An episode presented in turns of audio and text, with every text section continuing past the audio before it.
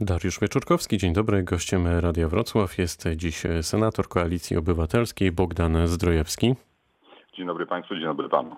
Zacznę, panie senatorze, od najnowszego sondażu.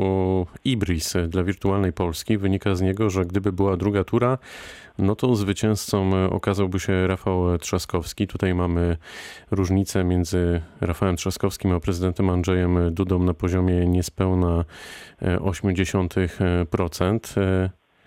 Co to oznacza? Czy to jest jakiś nowy trend, nowe odbicie, czy, czy wy w ogóle się nie przejmujecie tymi e, sondażami?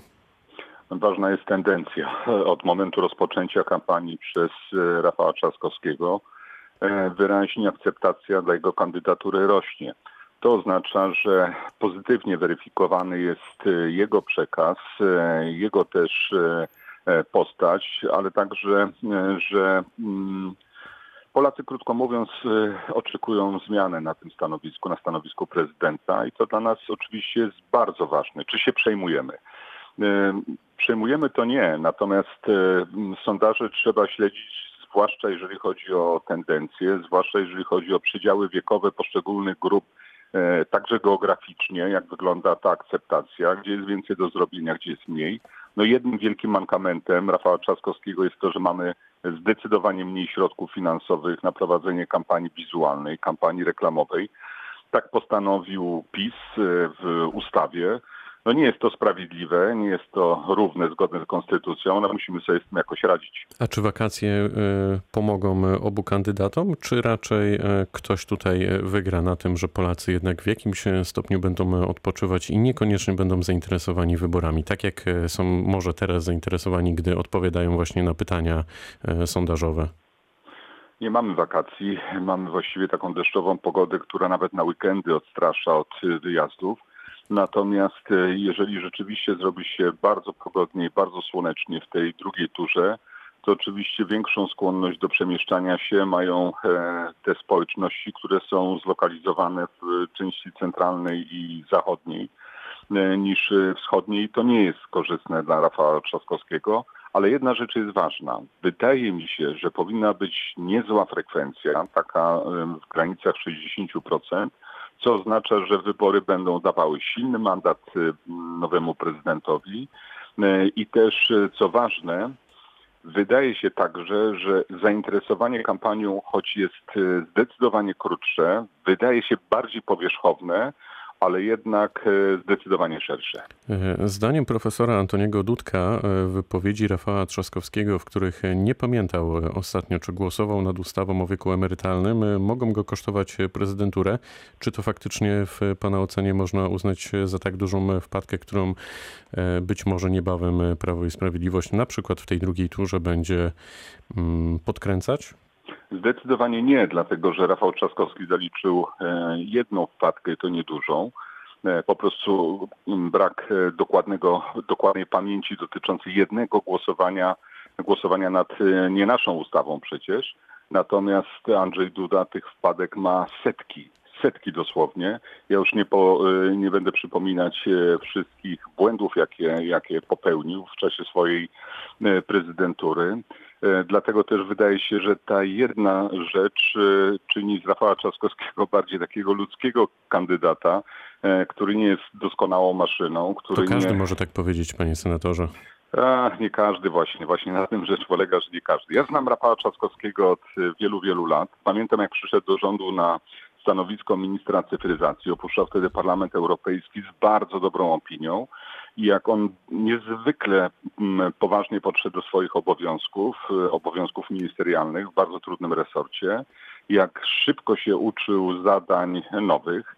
Natomiast jeszcze e, ważniejsza jest jedna rzecz. To jest kandydat, który jest świetnie sformatowany na funkcję prezydenta państwa nie tylko e, z racji swoich międzynarodowych doświadczeń. Tego no to świetnie, to zatrzymajmy się tu na chwilę. Jak w praktyce mogłaby wyglądać e, prezydentura Rafała Trzaskowskiego i rządy Zjednoczonej e, Prawicy? prawicy? Widzi pan tutaj pole do współpracy? Widzę pole do współpracy. Zresztą nasz kandydat deklaruje, że nie ma zamiaru być tylko i wyłącznie recenzentem działań rządu. To jest bardzo potrzebne ale przede wszystkim zależy mu na tym, aby podnieść wiarygodność państwa polskiego na arenie międzynarodowej, a to rządowi Mateusza Morawieckiego jest naprawdę bardzo potrzebne. W Europie straciliśmy niezwykle dużo. Rozpoczyna się w tej chwili walka o e, fundusze unijne. Nikt rządowi nie pomoże, tak jak Rafał Trzaskowski w rozmowach o przyszłym budżecie na lata e, no, kolejne w tej wieloletniej perspektywie. Wydaje się, że jest absolutnie optymalnym kandydatem, aby poprawić wizerunek państwa polskiego, zbudować określone wiarygodności dla tych naszych e, też pól inwestycyjnych, no i odejść od tej polityki, która mm, niestety e, budzi uśmiech na twarzach wielu polityków. E, mówię tu o tej słynnej zardzewiałej stępce, o przekopach Mierzei Wiślanej, o tym centralnym porcie pod Łodzią. No to wszystko nie, nie jest niestety źródłem takiej naszej europejskiej chwały, no bo to są wszystko Myślę, że to też, wie pan, zależy od e, punktu widzenia. Część osób powie, że jak najbardziej jest e, za tym. Pan jest za rozdawnictwem pieniędzy, na przykład 500+, plus, czy raczej promowałby pan inne rozwiązania społeczne? Co by pan podpowiedział tutaj Rafałowi Trzaskowskiemu? Jestem zwolennikiem 500+. Plus. E, będąc członkiem rządu, pamiętam ten projekt przygotowywany przez panią Fedak Niestety weszliśmy wtedy w kryzys, e, światowy kryzys niezwykłej skali i ten projekt został odłożony. Szkoda. Naprawdę szkoda, bo uważam, że takie programy, które są dobrze adresowane, które także pomagają, krótko mówiąc, wielodzietnym rodzinom, są potrzebne. To jest ten element e, socjalny. Więc podpowiadałbym e, co najwyżej prawidłowe modyfikowanie tego programu, tak aby inflacja nie zżerała te 500 podpowiadałbym ewentualne uzupełnianie programów także o pomoc dla osób y, niestety starszych. One są w tej chwili najbardziej poszkodowane. Mało tego, dostrzegam także konieczność zbudowania ekstra programu wynikającego z faktu istnienia tej pandemii, y, która cały czas, no niestety w Polsce nie słabnie. Y, osoby według mojej oceny w wieku 65 plus chwili obecnej są pozostawione kompletnie na marginesie, one po, potrzebują nawet nie pomocy finansowej, to, to także, ale przede wszystkim e, łatwiejszego dostępu do służby zdrowia, e, bo niestety od tej służby zdrowia w jakimś sensie e, uciekają, uciekają bojąc się po prostu koronawirusa. Ile kosztuje program Rafała Trzaskowskiego? Tego nie jestem w stanie w prosty sposób oszacować, natomiast mówimy oczywiście nie o milionach, tylko o miliardach. E, kosztuje zdecydowanie mniej niż te obietnice, które składa Prawo i Sprawiedliwość.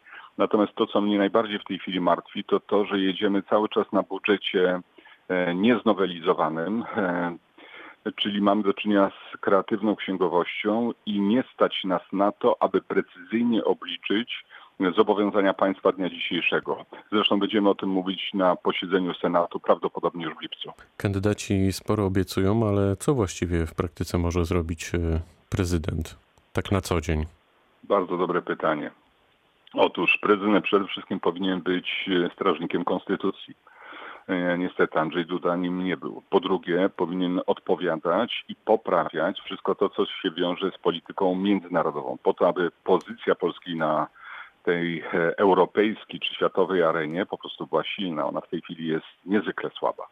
Trzeci element powinien być e, też takim czynnikiem kontrolującym instytucje państwa. Niestety Andrzej Duda poddał się tu w polityce partii, jednej partii, e, PiS, i mamy z tego powodu zdemolowany Trybunał Konstytucyjny, KRS.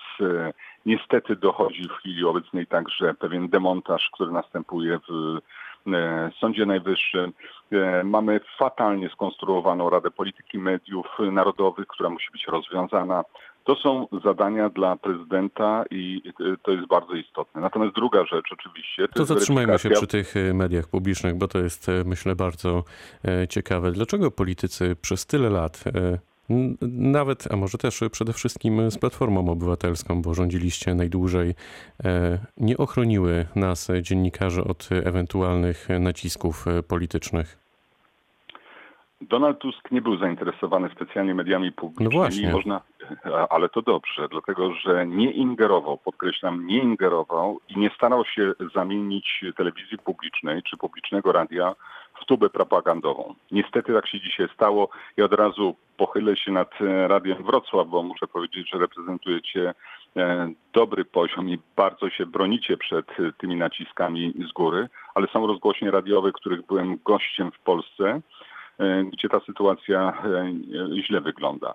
Jeżeli chodzi o telewizję publiczną, nie jestem w stanie oglądać TVP Info to nie jest e, polska Ale dlaczego, panie senatorze, nie zbierzecie się ponad e, politycznie i naprawdę nie uznacie, że okej, okay, media powinny robić e, swoją pracę, natomiast my robimy swoją, tak? A obywatele była na końcu co ileś lat oceniają razu, to wszystko. Od razu powiem, że była taka zgoda. Ona była już troszeczkę temu. Byłem wtedy ministrem kultury. Przygotowałem określoną ustawę o mediach publicznych.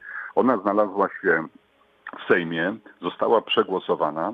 Potem pojawiło się weto prezydenta i niestety to weto nie zostało odrzucone. To porozumienie, które wówczas zostało zawarte, e, niestety runęło w sporze o wielkość, o dwie rzeczy. O wielkość dotacji dla mediów publicznych, czy to ma być 500 czy 700 milionów, a teraz telewizja publiczna dostała 2 miliardy. I druga rzecz, która była bardzo istotna, ważna w tej debacie też publicznej, czy telewizja publiczna ma prawo do e, reklam, emisji reklam i życia z reklam, czy też nie. Te dwa spory, one e, miały decydujące znaczenie dla nierozstrzygnięcia tego problemu wówczas. Ale o jednej rzeczy warto też powiedzieć media publiczne muszą być fragmentem polskiej racji stanu. Ja się nie dziwię żeby nie było wątpliwości, że media sprzyjają rządowi to, to nie można tak, e, takiego zarzutu e, formułować. No, media publiczne finansowane z środków publicznych, mm, podatników, nie mogą być antyrządowe.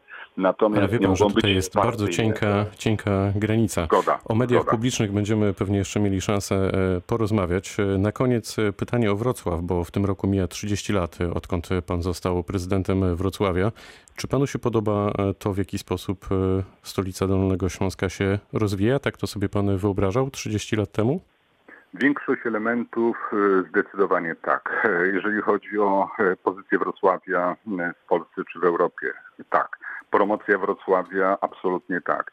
Postawienie na kilka ważnych inwestycji, takich jak w ogrodzie zoologicznym, czy też na przykład Narodowe Forum Muzyki, absolutnie tak. Natomiast to, co mnie martwi cały czas, to konfliktowanie użytkowników dróg ten konflikt według mojej oceny wrocławianom nie służy. Usztywnianie układu komunikacyjnego buduje sytuację pełną rozmaitych napięć. To co by pan podpowiedział prezydentowi Jackowi Sutrykowi? E, Bo on stawia wyraźnie na e, komunikację miejską i na rowery. E, stawianie na komunikację miejską to nie jest błąd, ale mam wrażenie, że przez ostatnie 10 lat za dużo błędów postawiono popełniono w, e, właśnie w obszarze komunikacji e, tej publicznej, miejskiej. Natomiast jeżeli chodzi o rowery, ja jestem wielkim zwolennikiem tras rowerowych, byleby nie realizować tych przedsięwzięć kosztem niezwykle e, ważnych fragmentów komunikacji tej samochodowej. I tu mamy do czynienia z dużym konfliktem. Jeszcze jedna rzecz. Jestem zwolennikiem wyłączania pewnych obszarów z ruchu samochodowego, ale trzeba to czynić, krótko mówiąc, głową. Sam obserwowałem skutki zamknięcia fragmenciku, małego fragmenciku ulicy Ruskiej i muszę powiedzieć, że teraz e, ten przejazd ulicą Kiełbaśniczą dla wielu samochodów, zresztą także służb miejskich, jest niezwykle utrudniony. Uważam, że każda taka decyzja powinna być podejmowana z e, rozmysłem, po konsultacjach społecznych, po sprawdzeniu też. Musimy kończyć, skutków. panie senatorze. Bardzo serdecznie pozdrawiam. Senator Koalicji Obywatelskiej Bogdan Zdrojewski był gościem e, rozmowy Dnia Radia Wrocław. Bardzo dziękuję za to spotkanie. Dziękuję. Wszystkiego dobrego, dobrego dnia. Pytał Dariusz Wyczorkowski, również dobrego dnia.